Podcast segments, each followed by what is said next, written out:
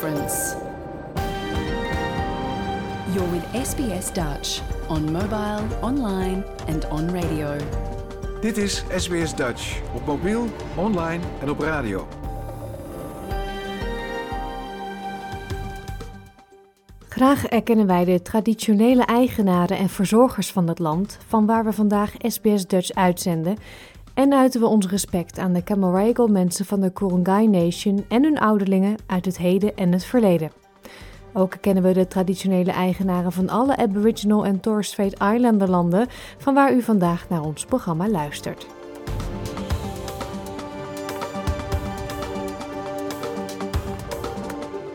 Een hele goede morgen, mijn naam is Paulien Roesink. Het is woensdag 25 oktober 2023 en dit is SBS Dutch, het Nederlandstalige radioprogramma van SBS.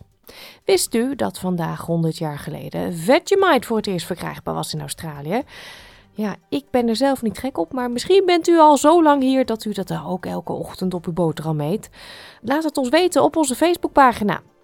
Het komende uur heb ik weer interessante gesprekken met en over de Nederlandse Australische gemeenschap. Zo bellen we met Paul Budde van de Dutch Australian Cultural Center over de 50ste verjaardag van het Opera House in Sydney. Er zijn namelijk een paar interessante Nederlandse connecties te leggen met de constructie en opening van dit gebouw. Vandaag ook de 25e aflevering van onze podcast Podcast met nieuwe luistertips van EK IJf en onze verslaggever Jeroen Schouten sprak met de drie Nederlandse teams die deelnemen aan de World Solar Challenge, de race van Darwin naar Adelaide. Dat en muziek allemaal het komende uur bij SBS Dutch, maar we beginnen zoals iedere woensdagmorgen met de SBS Nieuwsflits.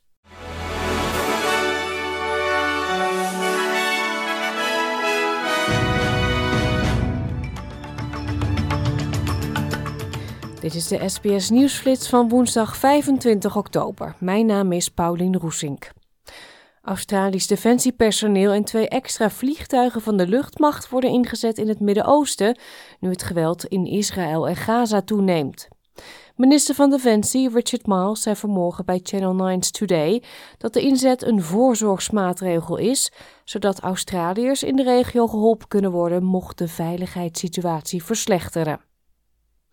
De Wereldgezondheidsorganisatie zegt dat zij niet in staat is medische voorraden en brandstof te verstrekken aan grote ziekenhuizen in het noorden van Gaza, omdat de veiligheid niet kan worden gegarandeerd. Ze roept op tot een onmiddellijk staakt het vuren.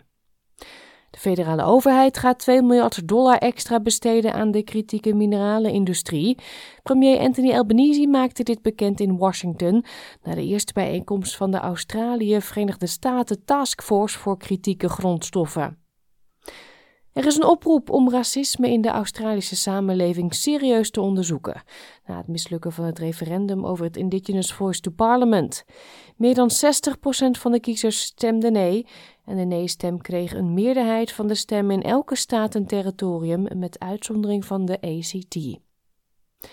Brandweerlieden in New South Wales bereiden zich voor op een dag van extreem brandgevaar in delen van de staat. Het wordt vandaag warm en er staat een forse wind. Er is een waarschuwing voor extreem brandgevaar afgegeven voor de Greater Hunter, Northern Slopes en Northwestern regio's.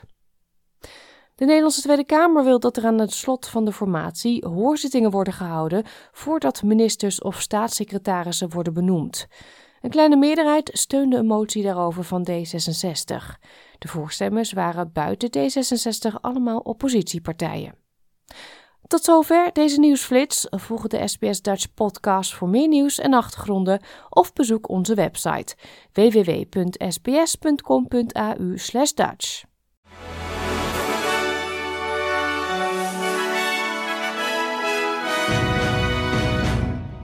We gaan verder met het nieuws uit de Australische natuur. Een veelgebruikte behandeling tegen schurft bij honden wordt nu ook ingezet voor de Australische wombats.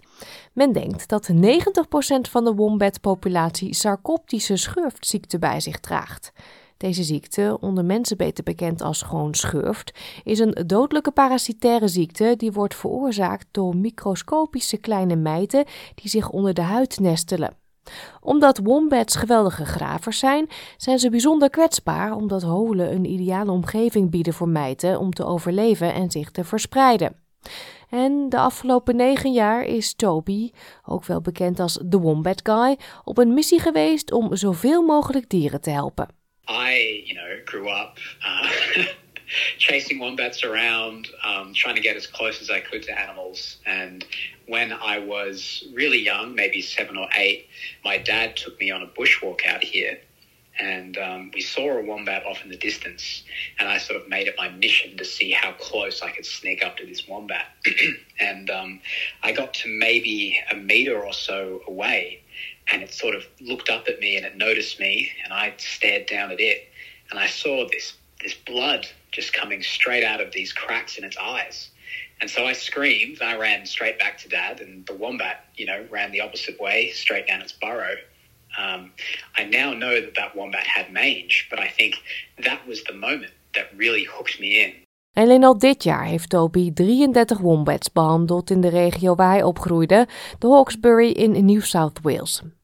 Christy Newton van de Wildlife Information Rescue and Education Service, in de volksmond beter bekend als WIRES, zegt dat de ziekte zich snel verspreidt en dat bijna 40% van de wombat-gerelateerde oproepen die de organisatie krijgt betrekking heeft op wombats met schurft. Sarcoptic mange affects more than 100 million species around the world, including humans. When we get it, we actually call it scabies, but it's not too bad in us. We just treat it with a cream.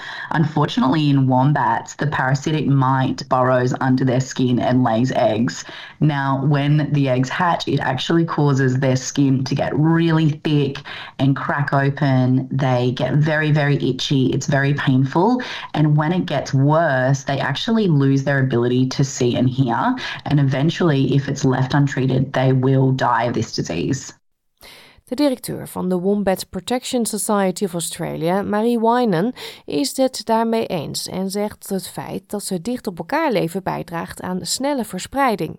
Often they are forced to get closer together due to um, habitat destruction and smaller lots being uh, broken up. So they've just got smaller areas to live on and becoming more concentrated. And also, of course, climate change, all these floods and fires, they have to move to different area and they have to congregate like closer together. So that's a big thing of the reason why it can spread so rapidly across the whole population. Mevrouw Newton zegt dat zodra een wombat besmet is met schurft, ze stoppen met fokken en dat het slechts drie maanden duurt voordat een dier aan de ziekte bezwijkt. It's absolutely heartbreaking to see. The quicker a wombat with mange gets treated, the higher the possibility of them surviving. So it's really important that we're able to spread the awareness about this disease so people can recognize manging wombats in the wild and report it to their local wildlife organization or WIRES. Een behandeling die wordt gebruikt om mijten bij honden te bestrijden, wordt nu toegepast op wombats. Dr. Kate Mounsey van de Universiteit van de Sunshine Coast zegt dat Bravecto, een relatief nieuw medicijn, kan worden gebruikt om wombats te behandelen met de juiste surveillance en monitoring. So Bravecto is a an insecticide um, and something that people might use on their dogs and cats uh, for tick control, uh, flea and tick control, for example. Uh, and it's recently uh, been repurposed to see if it's useful against sarcoptic mange in wombat. De methode is zeer effectief, maar om de dieren te kunnen behandelen moet je ze eerst te pakken krijgen door ze te achtervolgen met een net. Iets waar Toby, de Wombat Guy, zeer bedreven in is. One part of that is actually physically catching the wombat, um, spraying its wounds to make sure they don't get infected, and then putting on the medicine.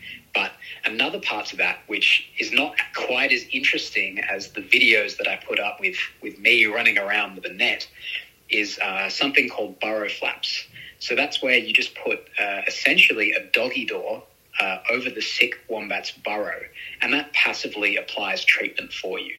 En het is niet de enige optie. Dr. Mounsey merkt op dat vrijlopende wombats niet altijd de meest meegaande patiënten zijn.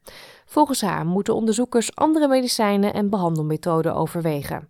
It's extremely challenging, and and really, it's we we, we don't want to introduce stress um, into the animals. So, uh, and we know that the mange prevalence in some areas can be quite high. So it's simply not feasible to, you know, individually catch each wombat with a net and directly administer a treatment. We really want uh, treatments that can be delivered um, in the population without having to directly interact with that animal. Christy Newton zegt dat 1 tot 3 doses Pravecto schurft kunnen bestrijden, maar benadrukt dat het absoluut geen remedie is voor de parasitaire ziekte. So there isn't a cure yet uh, for mange because we can't really kill all the mites. So they might get reinfected with mange, but Pravecto should keep them mange free for about three months. If they do go down a burrow with live mites, they might get reinfected and we may have to treat them again. But we try and do large population treatments so that we get rid of the mites in the entire area. So hopefully the population get a break and don't get reinfected. En Katja Goodwine van Mange Management Inc. zegt dat het belangrijk is om een permanente oplossing te vinden. It is a step in the right direction. Um, we do have a lot of success uh, treating wombats with mange with Provecto but uh, it's not necessarily a one-off treatment, which is what we really would need, um, you know, to get on top of mange in wombats. De Wombat Protection Society of Australia zegt dat ze bezig zijn met het testen van een meer permanente behandeling met behulp van de chemische stof Sidectin en zegt dat de resultaten veelbelovend zijn. Dit was een verhaal geproduceerd door Omo Bello en Hannah Kwon voor SBS Nieuws, in het Nederlands vertaald door SBS Dutch. Sinds 1987 wordt er elke twee jaar een race georganiseerd om te zien wie er het snelste van Darwin naar Adelaide kan rijden in een voertuig volledig aangedreven door zonne-energie. De teams, dit jaar zijn dat er 38, komen uit alle delen van de wereld en dus ook uit Nederland. Het gaat er bij de Bridgestone World Solar Challenge om wie het meest efficiënte voertuig kan bouwen. Puur op kracht kun je deze wedstrijd niet winnen.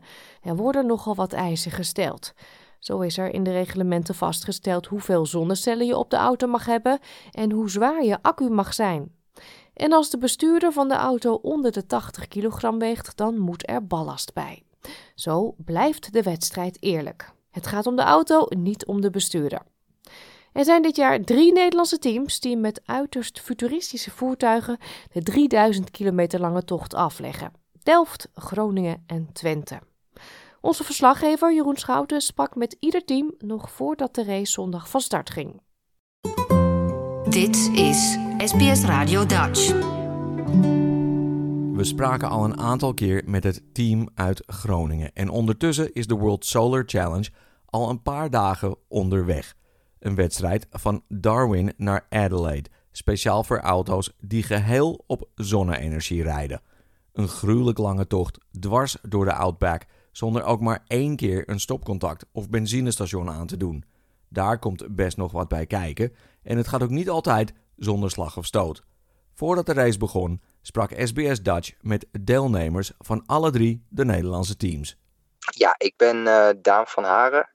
Ik ben de woordvoerder van Solar Team Twente. Ik, uh, nou, Rick Uigzaam, ik ben de teammanager van uh, Top Dutch Solar Racing. Het team uit het noorden. Ik ben Kees Broek en ik ben electrical engineer en driver van het Brunel Solar Team, Delft Team. Kees, hoe kom jij terecht bij het team uit Delft? Ja, dat vind ik eigenlijk wel een, heel leuk verhaal om te vertellen. Ik denk dat heel veel uh, mensen dat wel, wel herkennen. Dat ze nou, ooit, toen ze nog wat, uh, wat jonger waren, een tijdje terug uh, nou, op het nieuws, toch wel vaak die zonneauto van de TU Delft voorbij zagen komen. Ja, ik ben zelf ben ik, ben ik 22 jaar nu toen de tijd, uh, toen ik nog het jeugdjournaal keek op, uh, naar mijn zevende. Ja, nee, maar dat, dat, ja dat, uh, toen, toen kwam die auto voorbij en toen dacht ik van zo, dit is wel echt een gaaf project. En echt jonge mensen die dat doen, dat is gewoon zo bijzonder. TU Delft gaan studeren, electrical engineering gaan doen en nou ja, aanmelden. Toen heb ik toch de kans gegrepen en gelukkig ben ik geselecteerd. En is het voor jullie de eerste keer hier in Australië? Voor mij wel. Ja, dat is zeker eventjes wennen. Ja, ja zeker. Dat is de eerste keer sowieso de eerste keer voor mij buiten Europa, dus dat is wel grappig. En wat valt jullie hier het meest op? Ja, toch wel uh, de natuur, de dieren, de planten uh, en ook wel een beetje het klimaat natuurlijk. Het is hier iedere dag uh, 33 graden en in Nederland is het nu 15 graden, dus dat is een behoorlijk verschil. Nou, voor mij als coureur is dat toch wel echt het, uh, het linksrijden. dat, valt mij, dat valt mij ineens het meest op. Nee, het is gewoon echt, het is zo'n ander klimaat. Gewoon überhaupt de natuur, het hele plaatje, de hele sfeer. ja, ik voel me gewoon ook geïnspireerd. en ik voel me heel enthousiast. Gewoon puur doordat we hier nu zijn, waar we straks de race gaan rijden. het voelt gewoon allemaal heel goed. En jij, Rick? Eigenlijk wat, het, wat het meest opvalt is dat de mensen heel nieuwsgierig zijn naar wat je doet, maar ook echt heel vriendelijk. Echt hele, hele uh, leuke en vriendelijke mensen ontmoet die ons heel graag ook wilden ondersteunen en helpen met alles uh, wat ze konden. Uh, en hier ook, ja, mensen zijn toch geïnteresseerd. Nou, wij lopen dan elke keer in groene shirtjes rond. Ja, mensen vinden het toch wel, die spreken je ook gewoon even aan. Dus dat is wel leuk om, leuk om te zien. Nou, zijn die drie auto's natuurlijk niet in Australië gebouwd. Die moeten dus op een gegeven moment verscheept worden. Dat lijkt me een hele klus. Kees, hoe gaat dat? Nou, toen we naar Australië kwamen, uh, het is altijd een beetje een uh, ding met, uh, ja, hoe krijg je de auto hier? Dus wij zitten natuurlijk in ons kleine kikkerlandje in Delft zitten we te bouwen. Dan moet hij uiteindelijk ook nog naar Australië komen. En ja, dat is eigenlijk nog een hele operatie. Want dat moet naar vier verschillende landen en dat gaat dan, gaat dan het vliegtuig. En dan staat hij dus uiteindelijk staat hij dus bij de douane. Bij de douane gaan ze eens kijken van, hé, hey, ja, wat zit er allemaal in? Ja, en dat duurt soms net iets langer dan we, dan we hopen. Dus we hebben uiteindelijk zijn we met een gedeelte van het team zijn we naar Melbourne gevlogen. Om daar de flight case, dus onze auto, door de douane heen te begeleiden. Ja, hebben we toch uiteindelijk die auto doorheen gekregen. Dat valt dan gelukkig nog mee, want met de kist van Groningen ging geloof ik wat mis. Ja, dat was wel een interessant verhaal inderdaad. Het moment dat wij de inspection kregen bij de quarantaine officers, uh, eerst de deur die we open deden en toen uh, kroop er een spinnetje uit. Ja, dat was echt erg balen, want op dat moment zei die, uh, die quarantaine official al van, nou sorry jongens, ik kan de auto niet door laten gaan.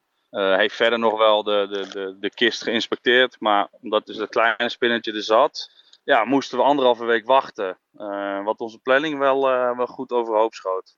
Daan, ik geloof dat Twente ook een probleem had met ongedierte. Ja, dat klopt. Naast dat we een, een, kist hebben voor transport uit Nederland, hebben we ook altijd een kist hier in Australië staan. Dat is meer een opslagkist. En in die opslagkist bewaren wij uh, materialen die we toch alleen maar hier in Australië gebruiken tijdens de race. Dus die slaan we daarop. Denk daarbij aan tenten, kampeerspullen, kookspullen. En toen kwamen we aan en toen trokken we hem open.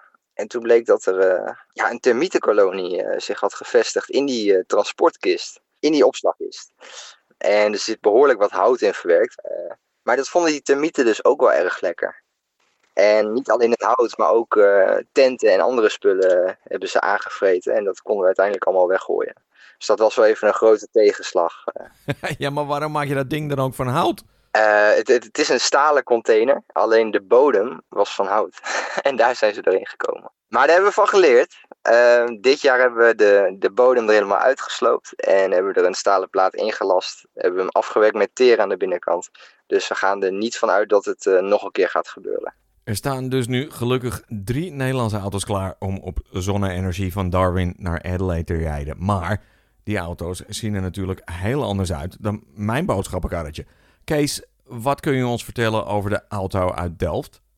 Ja, ja de auto die we dit jaar hebben gebouwd, het is nu naar 12. Uh, dat is het allernieuwste model. Dat is een auto die we eigenlijk echt afgelopen jaar ja, voor het eerst hebben ontwikkeld.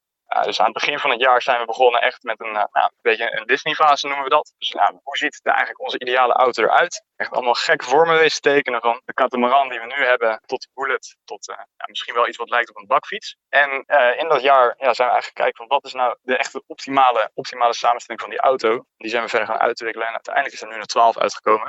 En dat is eigenlijk een supersnelle auto die super licht gewicht is met een nieuwe accu, een nieuwe zonnepaneel, nieuwe ophanging. Eigenlijk is super veel veranderd aan die auto.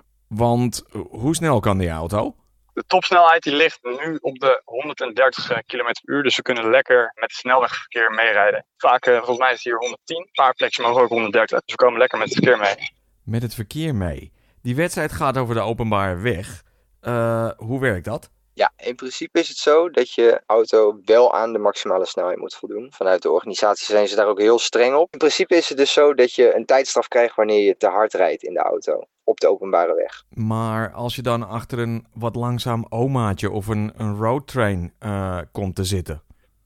Wat we dan eh, gaan doen is, we gaan dan kijken of we ergens kunnen inhalen. Want uh, dat inhalen dat doen we uh, best wel vaak. Dat kunnen road trains zijn, dat kunnen, ja, kan ander langzaam rijdend verkeer zijn, maar ook andere solar teams. dus dat inhalen is ook echt iets waar we op trainen en ook echt wat we, ja, wat we vaak doen tijdens de race. Ja, en anders, als je er echt niet langs kan, ja, dan, dan moeten we helaas iets langzaam rijden. Maar gelukkig staat ons zonnepaneel altijd aan. Ook al rijden we niet alle energie er in één keer uit die we binnenvangen, dan wordt het netjes opgeslagen in onze accu. En dan kunnen we als die roadtrain aan de kant gaat, of de volgende dag als die roadtrain ook bij ons weg is, dan kunnen we vol gas en dan eh, kunnen we lekker blazen.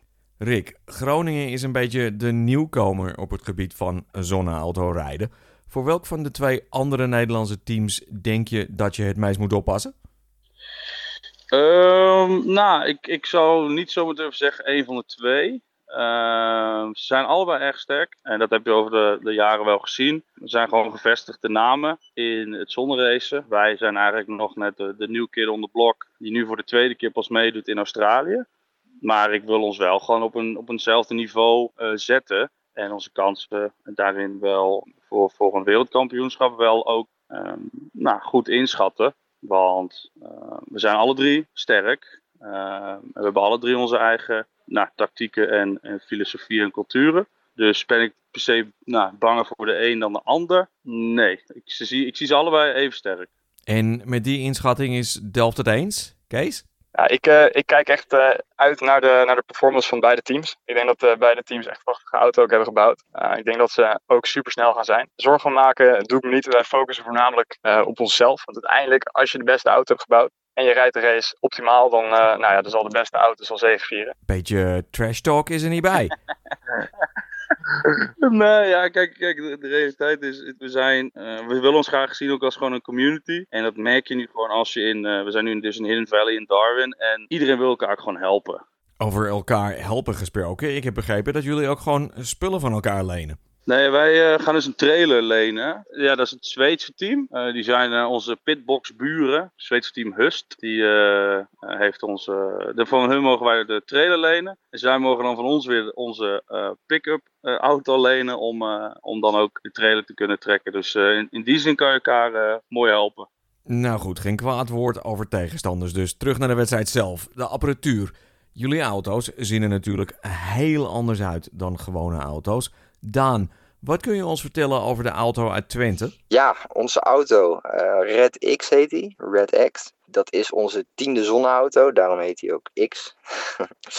ja, dat is een uh, mono-hulmodel. Dus je ziet eigenlijk in de zonneautosport zie je twee typen modellen veel terugkomen. Dat zijn de monohullen en de catamarans. Bij een monohul kun je je voorstellen, dan zit je als piloot uh, in het midden van de auto. En bij een catamaran zit je op een van de twee nou ja, uh, zijkanten, zeg maar.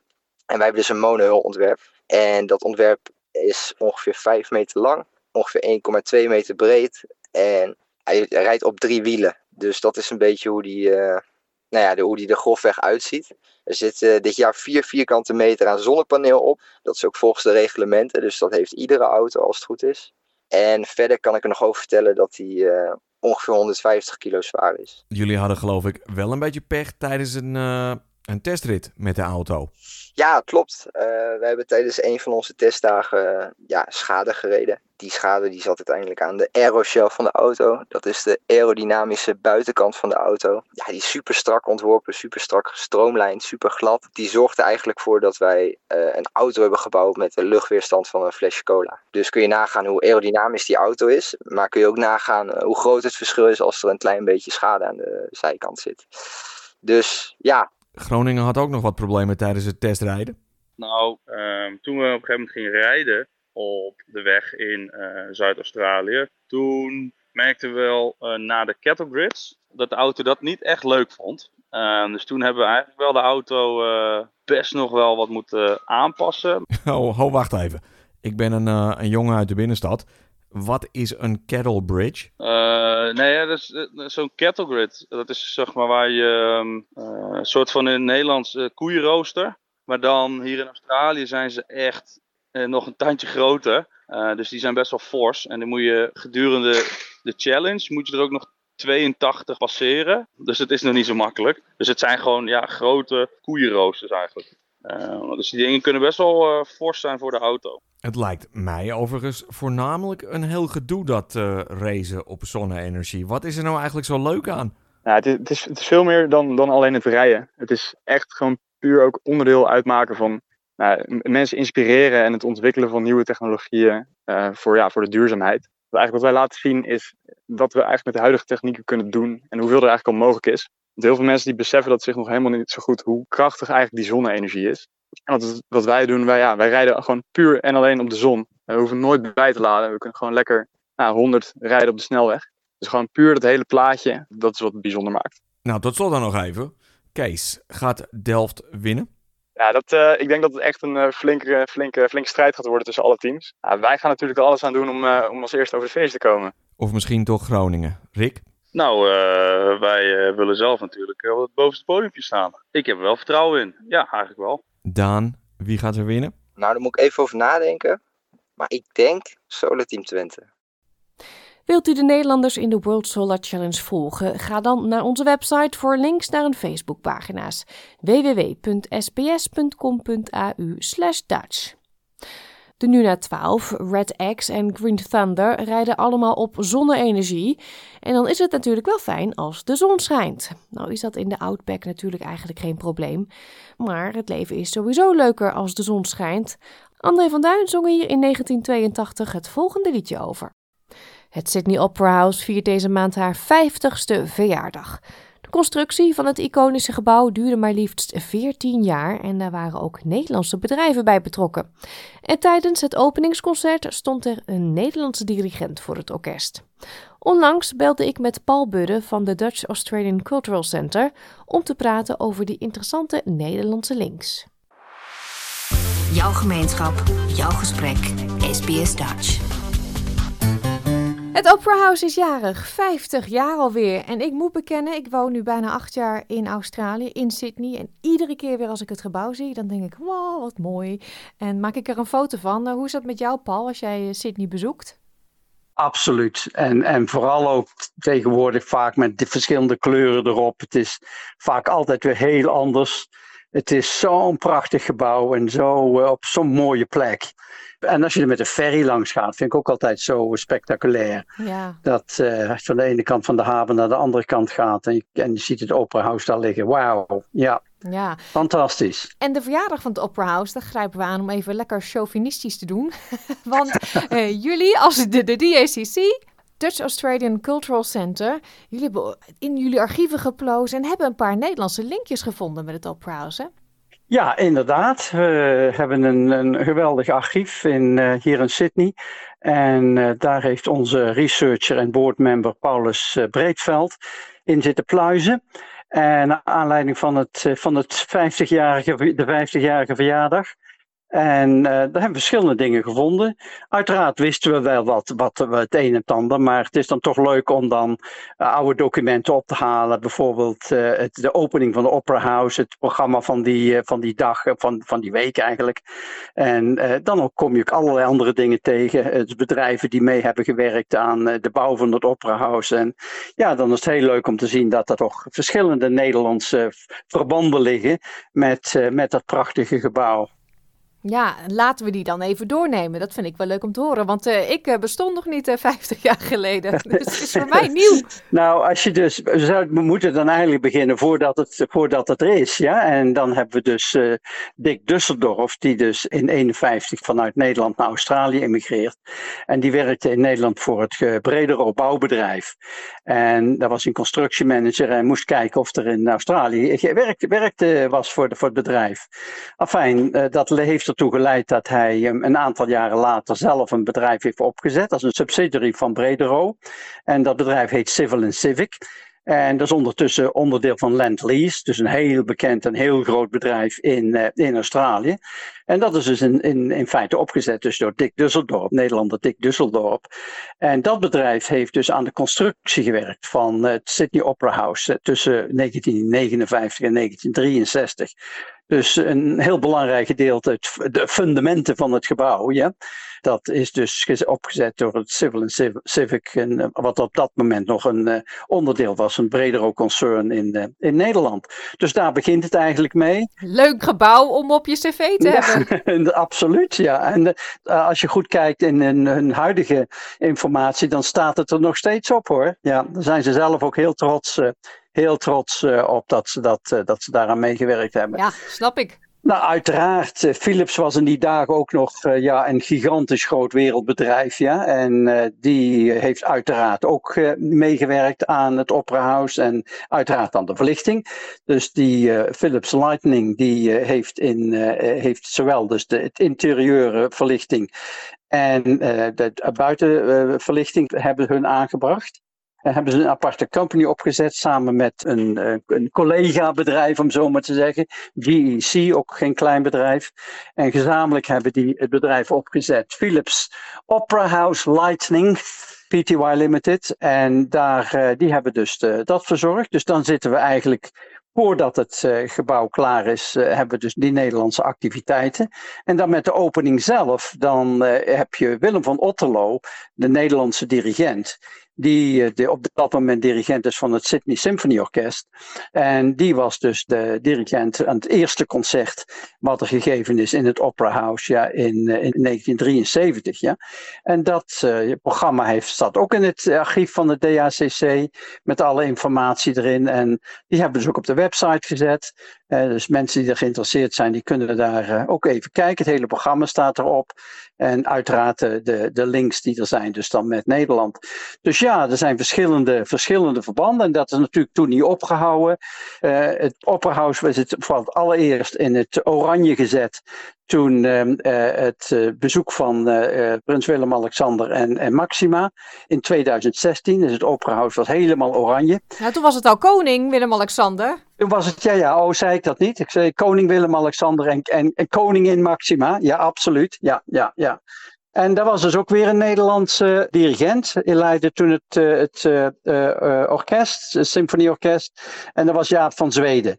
Dus ja, er zijn verschillende leuke verbanden tussen Nederland en het Operahuis. Uiteraard heeft dus in 2016 was de receptie met het koninklijke paar ook in het Operahuis. Dus dat, uh, ja, er waren, ja, het zijn leuke, leuke verbanden die er liggen tussen, tussen Nederland en, uh, en ons 50-jarige Operahuis. Ik vind het leuk om te horen dat dat licht van Philips komt. Want nou heb ik een beetje uh, munitie. Want ik ben getrouwd met een Franse man. En die is altijd heel trots dat het glas uit Frankrijk komt. Dat hebben we ooit gehoord tijdens een rondleiding. Nou kan ik terug en dan zeg ik... Ha, de fundering is van een Nederlands bedrijf. En de verlichting. ja, ja, ja. En de Denen zijn natuurlijk ook enorm trots. Ja? Uiteraard. Uh, want het was uiteraard de Deense architect die het ontworpen heeft. En uh, ja, dus het, uh, ja, het, is, het, eigenlijk reflecteert natuurlijk ook weer Australië, het multiculturele aspect van Australië. Ja? Dat zoveel verschillende bedrijven daar op de een of andere manier van alle landen daar mee bezig zijn geweest. Dus het is, het is duidelijk een, een opperhouse van ons allemaal, om zo maar te zeggen. Zeker. Kan jij je nog veel herinneren van de opening? Heb je dat meegekregen? Als ik het goed gok, woonde je toen in Nederland? Ja, nee, ik ben sinds 83 in, uh, in Australië. Dus dat was allemaal ook voor mijn tijd toen uh, dat gebouwd werd en geopend werd, et cetera. Dus ik, ben, ik was wel op de receptie van, van de koning en de koningin in 2016. Dus dat wel, maar nee, dus het allereerste begin, dat heb ik niet meegemaakt. Dat was ook niet groot nieuws in Nederland. Kan ik me niet herinneren. Nee, kan ik me niet herinneren. Ik neem aan van wel, want het is toch een van de, van de, ja, de mooiste gebouwen in de wereld. Ja? Het komt regelmatig op de, op de lijst voor van dat soort gebouwen. Dus of misschien unieke gebouwen. Ja, misschien dat is een beter woord dan mooie gebouwen. Het is zo verschrikkelijk uniek, ja? de vormgeving en, eh, en, en, en ja, dat soort meer. Dus maar nee, ik kan, dat, ik kan dat niet herinneren of dat specifiek toen. Eh, ik neem aan van wel, maar dat, daar eh, heb ik, kan, kan ik me niks van herinneren. Was ik nog niet echt geïnteresseerd in Australië, denk ik. Maar geestig hè, hoe dat dan veranderd is in de loop der jaren. Ja, enorm. Ja. Ik denk dat het alleen maar in status gewonnen heeft ja, over die jaren. Hè. Met name dat al ja, zoveel toeristen zijn er natuurlijk in, in Australië geweest in al die jaren. En die hebben allemaal foto's gemaakt van het Opera House. Ja. Uh, en ja, dus wat dat betreft denk ik dat het gebouw in, in, in waarde is vermeerderd. Niet in, in fysieke waarde, maar in, in waarde van cultuur en, en geschiedenis. Ja? Want mm -hmm. ik neem aan dat er miljoenen foto's zijn gemaakt van het Opera House. Mm -hmm. Ja, en ik vind het altijd leuk. Soms zie je van die posts voorbij komen, berichten van dit waren de designs die ook eh, kans maakten om gebouwd te worden ja, op die plek. En ja, dan ben ik altijd ja, blij dat het het Opera House is geworden zoals hij nu is. Ja, dat is ook leuk, want daar hebben we ook wat informatie over. Dus er was natuurlijk altijd is er controversie, ja. Dus er was nou ook weer een, uh, toen in, in nou, maar in 73 of in, in, in de 60 jaren was er ook uh, controversie over. Uh, allerlei problemen. Er was niet genoeg geld. Ze hebben een loterij op moeten zetten om geld uh, bij elkaar te krijgen om het gebouw af te maken. Dus, en dat leidde dan weer tot het ontslag van de architect. Want financieel liep het helemaal uit de klauwen enzovoort. Dus er waren natuurlijk allemaal intriges en problemen rondom uh, eerst allereerst ja, het gebouw zelf. Ja, design, zoals je zelf al zegt. En dan op de plaats waar het zou, zou gaan komen. Er waren natuurlijk ook een hoop mensen weer tegen. Uh, ook een hele, hele rel was daarover. En dan uiteindelijk de bouw zelf, wat dus uh, ook niet van een leien dakje liep. Nee. Nou, gelukkig is het allemaal goed gekomen en nou, kunnen we er nog steeds van genieten. Ja, absoluut. Dankjewel voor deze uitleg. Oké, okay, graag gedaan, Pauline. U hoorde Paul Budde van de Dutch Australian Cultural Center. Gaan we verder met het liedje The Opera van de Dizzyman's Band. Het einde van de maand komt in zicht en dus is het de hoogste tijd voor nieuwe verse podcasttips. En die bespreken we iedere maand met podcastliefhebber Eke Eif. SBS Dutch, woensdag en zaterdag om 11 uur ochtends of online op elk gewenst tijdstip.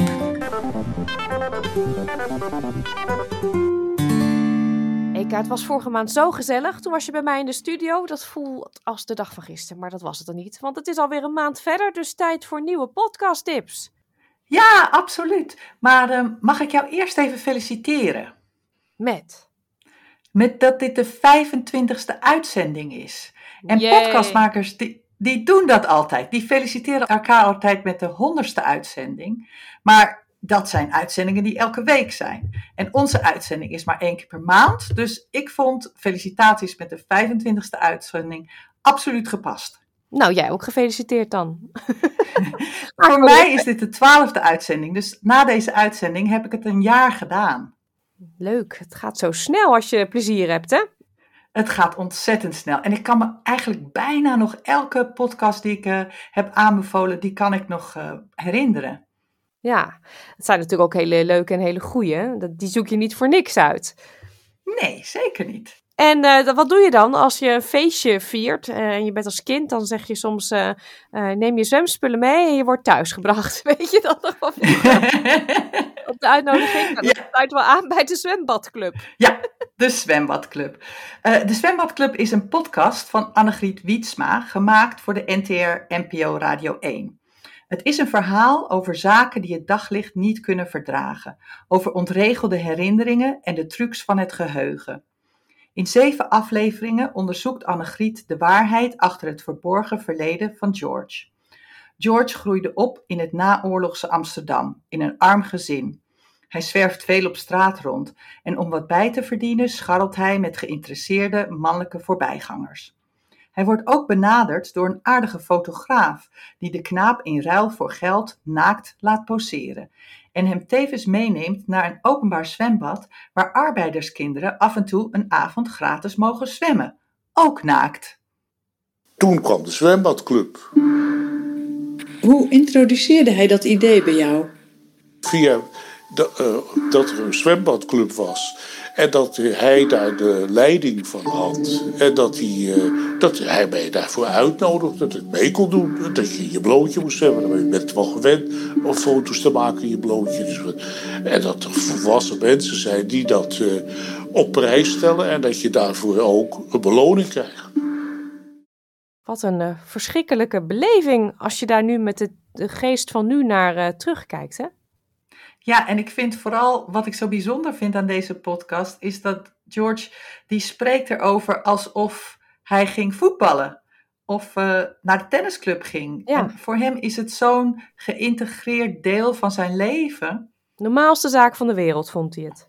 Ja, absoluut. Maar uh, George was niet de enige in het zwembad. Zijn buurmeisje Carla, met wie hij een bijzondere band heeft, is er ook. Totdat een traumatische gebeurtenis daar een eind aan maakt. In de herinnering van George is er ook een dame aan de rand van het zwembad die hem speciaal opvalt, mevrouw Poulie. Maar ons geheugen kan ons ook voor de gek houden. Ons brein vult de gaten in die in onze herinnering zijn ontstaan. En daarom gaat Annegriet op bezoek bij deskundigen, archieven en verzamelaars van erotica om het verhaal van George te verifiëren. En dan in de laatste aflevering van de podcast maken zowel Annegriet als George de balans op. Het voelt alsof het verleden hem heeft ingehaald en hij moet leren omgaan met de scherven van zijn levensverhaal. Ja, Annegriet is een bekende podcastmaakster. Hè? De Deventer Mediazaken is ook van haar hand. Het was ook een hele indrukwekkende podcast, vond ik. Wat vond jij uh, van deze? Ja, ik vond het een bijzondere podcast over een waanzinnig verhaal. Het is prachtige onderzoeksjournalistiek. Het maakt gebruik van gesproken getuigenissen, maar ook is er een enorme zoektocht naar data en archiefstukken om te verifiëren of het allemaal wel klopt. De vormgeving is geweldig. Op een gegeven moment hoor je verschillende mensen door elkaar heen praten over dezelfde herinnering. Het is prachtig gedaan. Het is spannend, aangrijpend, heftig en chockerend. En ik vond het ook enorm boeiend om te horen hoe het er in de naoorlogse jaren in bepaalde kringen aan toe ging. Nou, zullen er luisteraars zijn die denken: oeh, wat een heftig verhaal. Hè? Die kinderen naakt en de mensen die daarvan genieten. Een naar onderwerp. Um, is dit toch een podcast waar je wel met een gerust hart naar kunt luisteren? Ja, ik vind van wel. Um, het is best wel, wat er gebeurde was best wel heftig, maar het wordt toch op een manier verteld die vrij onschuldig is. En het, ik vind dat het ook heel erg een tijdsbeeld geeft van wat er in die naoorlogse jaren gebeurde, waar eigenlijk heel weinig over gepraat wordt. Want je praat over de oorlog en dan wordt er gepraat over de wederopbouw, maar dat daartussenin ook nog een heel erg schemergebied zat, vind ik eigenlijk heel interessant en vind ik eigenlijk best belangrijk om daar ook naar te luisteren. Ja, de zwembadclub dus. Um, de tweede, containerbegrip. Ja, is eigenlijk een beetje een abracadabra-titel voor mij. Ja, is weer heel iets anders. Um, in een vierdelige podcast, gemaakt door Maite Vermeulen en Maaike Goslinga voor de correspondent, worden de schijnwerpers gezet op de verborgen wereld van het goederenvervoer op zee. 90% van al onze spullen komt uit een container en toch weten we nagenoeg niets over de reis die de spullen afleggen. Om te snappen hoe onze spullen bij ons komen en wie daarvoor de prijs betaalt, duiken Maite en Maaike in die onzichtbare wereld. In de eerste aflevering maken de dames een boottochtje in de Rotterdamse haven en ontdekken hoe containers de spelregels voor de moderne wereldeconomie bepalen en ontmoeten ze bedrijven die de macht over containers hebben. In de tweede aflevering gaan ze aan boord en spreken ze met bemanningsleden, die meestal uit arme landen komen. Hun werk speelt zich grotendeels af op plekken waar geen inspectie, geen journalisten en geen politici komen, ze zijn bijna onzichtbaar voor iedereen. Filipijnen zitten zes tot negen maanden aan boord. En doen dat ook graag, want hoe meer ze werken, hoe meer ze verdienen. En hoe eerder ze dus uh, op de Filipijnen terug kunnen gaan en daar een business kunnen beginnen, een huis neer kunnen zetten, uh, hun kinderen een goede opleiding kunnen geven. Want daar doen ze het voor. Menig neefje of nichtje studeert omdat oomlief uh, vaart het vraagt natuurlijk nogal wat, hè, varen. Het is een behoorlijk intensieve job. Je krijgt heel veel verantwoordelijkheid. Want reken maar dat je, dat je een hoop eh, centen eh, onder je kont hebt als je zo'n schip vaart. Het is 24-7. Het gaat door en door en door. Dus dat is voor je lijf is het fnuikend.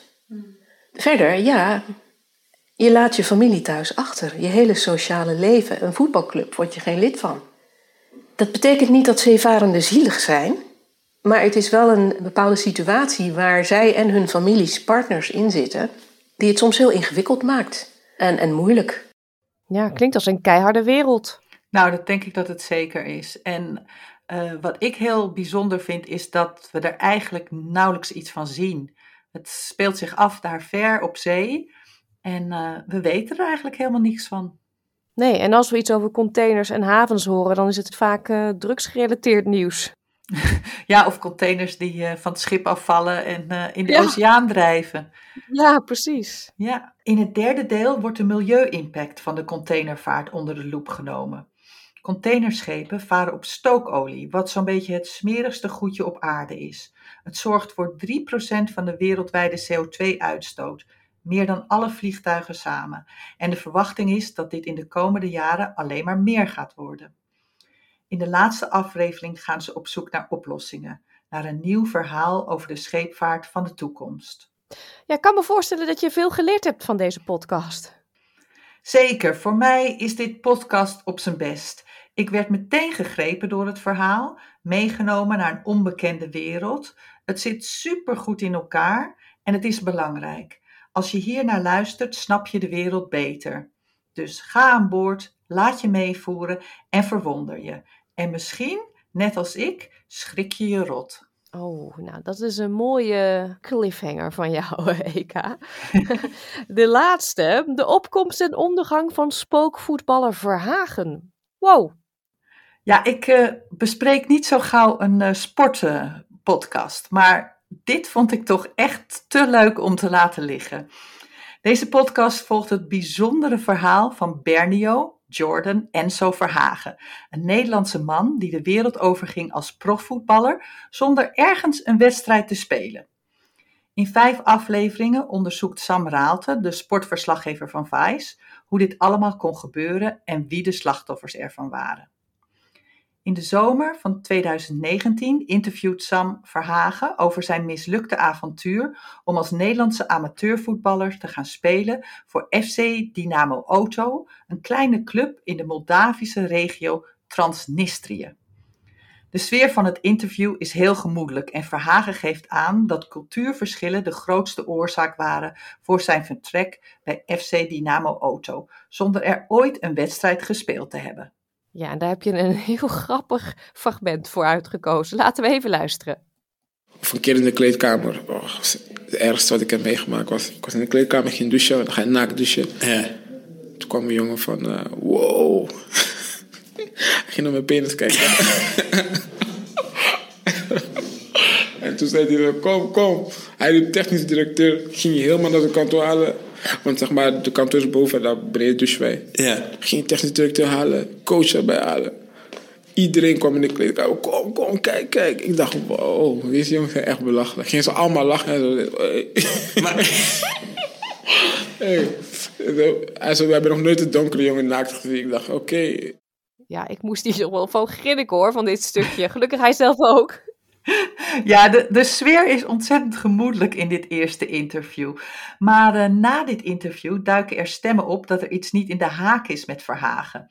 Binnen een paar maanden tekende hij bij nog drie profclubs op drie verschillende continenten, zonder ergens een wedstrijd te spelen. Als Sam hier verder onderzoek naar doet, komt hij terecht in een web van leugens, documentfraude, identiteitsdiefstal, ruzies met ex-vriendinnen neppe Chinese zaakwaarnemers, ontsnapping uit de rechtbank, een klopjacht van de politie en uiteindelijk een veroordeling. Klinkt als een film. Ja, mijn mond viel keer op keer open van verbazing bij het luisteren naar deze podcast. Dat het mogelijk is om met zoveel list en bedrog weg te komen bij grote gerenommeerde bedrijven, vind ik op zijn zachtst gezegd onbegrijpelijk.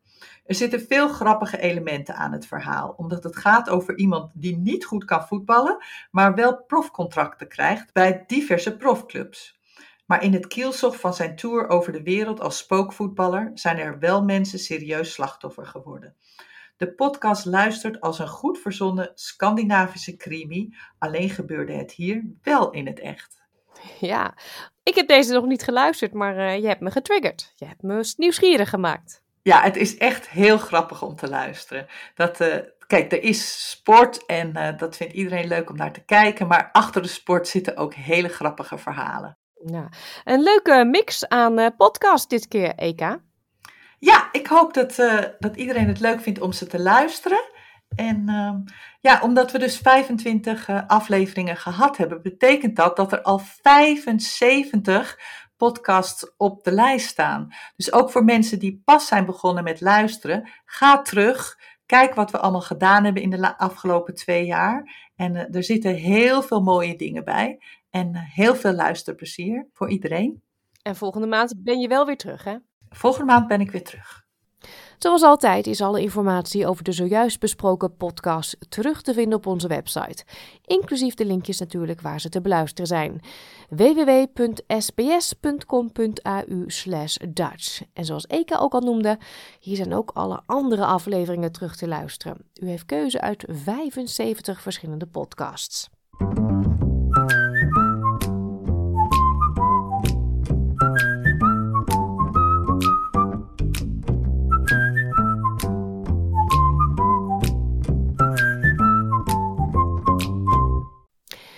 Zo zijn we alweer aan het einde gekomen van deze aflevering van SBS Dutch.